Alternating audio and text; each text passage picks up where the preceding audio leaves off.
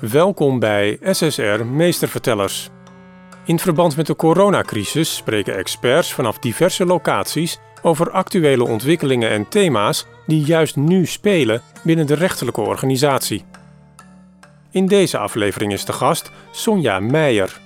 Op 1 maart 2020 werd zij benoemd tot hoogleraar penitentiair recht.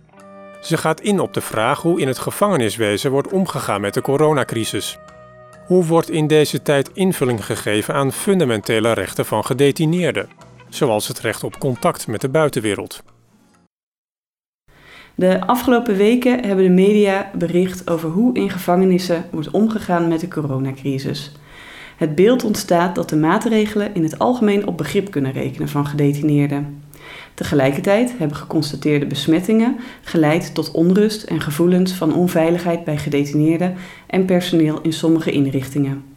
Al vrij vroeg in de coronacrisis heeft het CPT, een orgaan van de Raad van Europa dat toezicht houdt op de uitvoering van vrijheidsbenemende sancties, een richtlijn gepubliceerd over hoe lidstaten om zouden moeten gaan met gedetineerden. Onder meer worden genoemd dat lidstaten alle mogelijke maatregelen moeten nemen om de gezondheid en veiligheid van gedetineerden en daarmee ook van het personeel te beschermen. De World Health Organization richtlijnen voor de bestrijding van de pandemie en de nationale RIVM-richtlijnen moeten in alle plaatsen waar de vrijheid wordt ontnomen worden gerespecteerd en volledig worden uitgevoerd. Het CPT roept verder op om alternatieven voor vrijheidsbeneming in te zetten. Denk aan alternatieven voor voorlopige hechtenis, omzetting van straffen, vervroegde vrijlating en een proeftijd. Het CPT benadrukt verder dat het legitiem en ook redelijk is om niet-essentiële activiteiten op te schorten, maar dat de grondrechten van gedetineerden volledig moeten worden gerespecteerd. Eventuele beperkingen op het recht op contact met de buitenwereld, inclusief bezoeken, moeten worden gecompenseerd door meer toegang tot alternatieve communicatiemiddelen. Het CPT benadrukt tot slot het belang van de monitoring van de detentiesituatie door onafhankelijke instanties.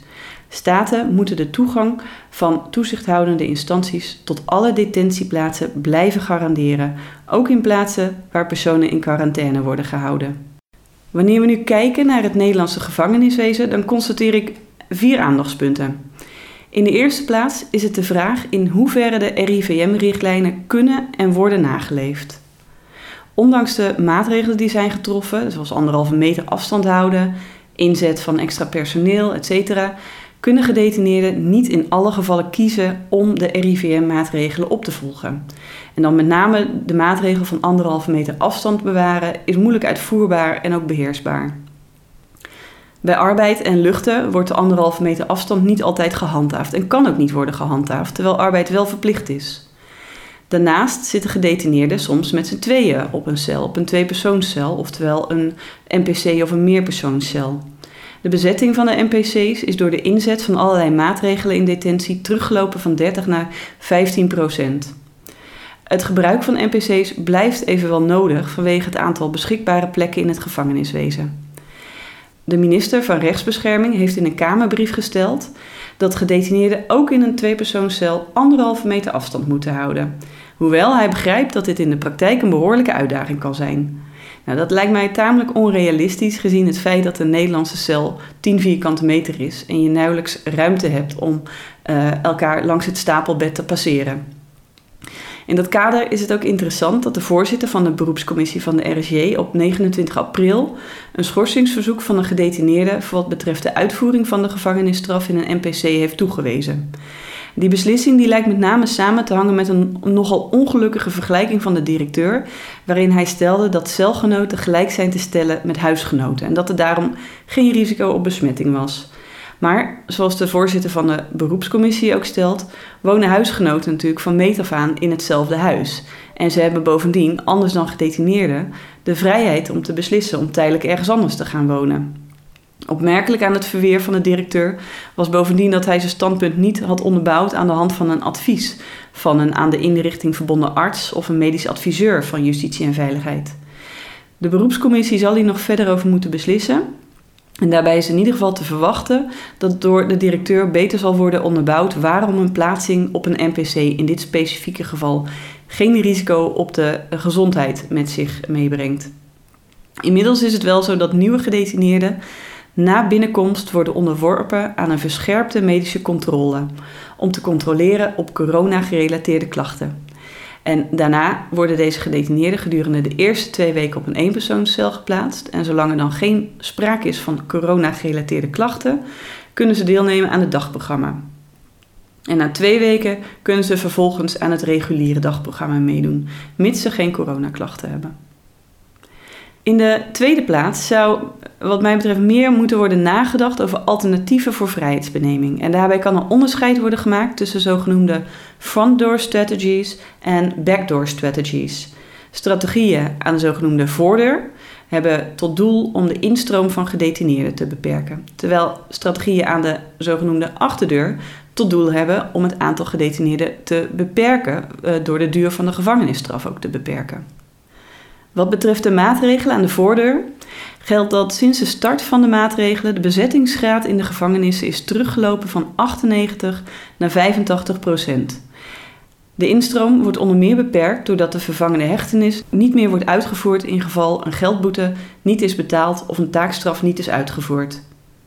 Bovendien ontvangen zelfmelders in beginsel geen oproep meer. Zo stelt althans de minister in, in een Kamerbrief.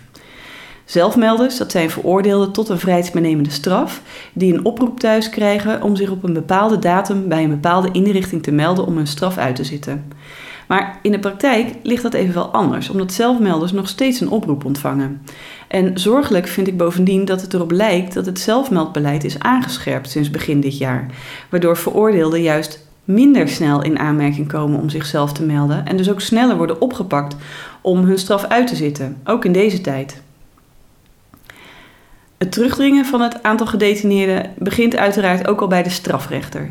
De rechter zou wat mij betreft voorlopige hechtenis spaarzaam moeten toepassen. En indien dan toch voorlopige hechtenis wordt toegepast, dan zou de rechter wat mij betreft meer kunnen denken in alternatieven voor de voorlopige hechtenis. Daarvoor wordt al jaren gepleit, maar het geldt in deze tijd des te meer. Bovendien zou de rechter meer in alternatieven voor detentie kunnen denken. Bijvoorbeeld de oplegging van een taakstraf of uh, voorwaardelijke modaliteiten in plaats van een onvoorwaardelijke gevangenisstraf. En wat breder beschouwd zou de huidige crisis wat mij betreft kunnen worden aangegrepen om de uitvoering van de gevangenisstraf grondig te herzien. Er zijn naar mijn mening reële alternatieven voor detentie.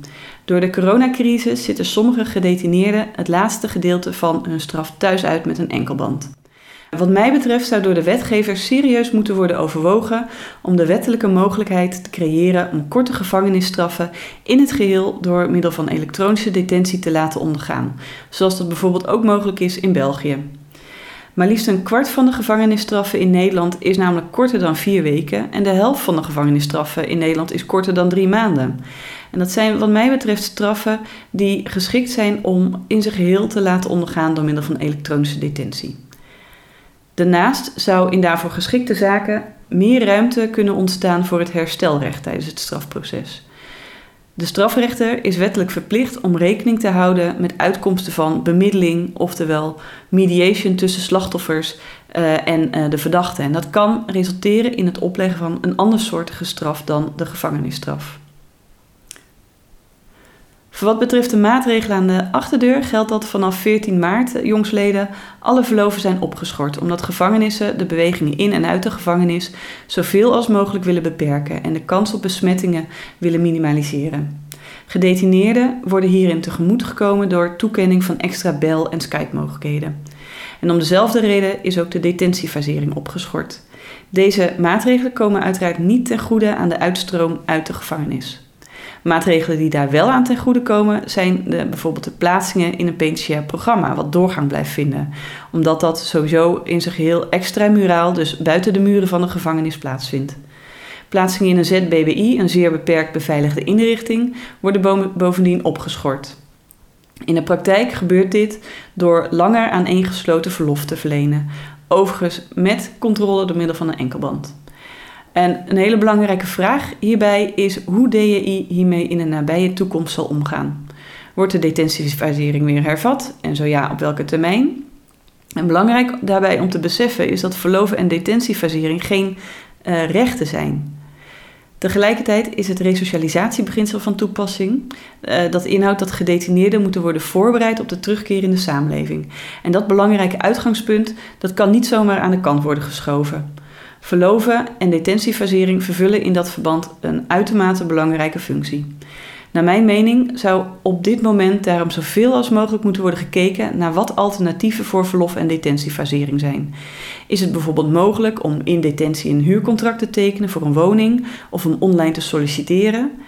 En bij verzoeken tot incidenteel verlof, dat wordt verleend op humanitaire gronden, of verzoeken tot strafonderbreking, zou naar mijn mening steeds een afweging in het concrete geval moeten worden gemaakt.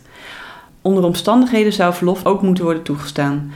Verder zou moeten worden nagedacht op welke termijn en onder welke voorwaarden verloven en detentiefasering in onze anderhalve meter samenleving weer kunnen worden hervat. In de derde plaats is het legitiem om niet-essentiële activiteiten te schrappen, maar de grondrechten van gedetineerden dienen daarbij te worden gerespecteerd. Aan fundamentele rechten zoals eten, een uur per dag luchten en medische zorg mag en wordt ook geen afbreuk gedaan. Wel wordt het dagprogramma van gedetineerden ingekort als dat noodzakelijk is en het contact met advocaten verloopt zoveel mogelijk telefonisch. Gedetineerden hebben recht op contact met de buitenwereld. Momenteel is onder meer het recht op bezoek beperkt doordat bezoekers vanwege het mogelijke besmettingsgevaar niet worden toegelaten in de PI. Gedetineerden dienen hiervoor volgens het CPT te worden gecompenseerd. En in de praktijk gebeurt dat ook doordat gedetineerden meer tijd krijgen om te bellen en ook de mogelijkheid krijgen om te videobellen. Tot slot, in de vierde plaats, moet ook in deze tijd van crisis toezicht kunnen worden gehouden door onafhankelijke instanties. De commissies van toezicht en de beroepscommissie van de RSJ houden geen zittingen meer in PI's. Klachten en beroepen worden zoveel mogelijk schriftelijk afgedaan. En ook door deze toezichtshouders wordt een moderniseringsslag gemaakt.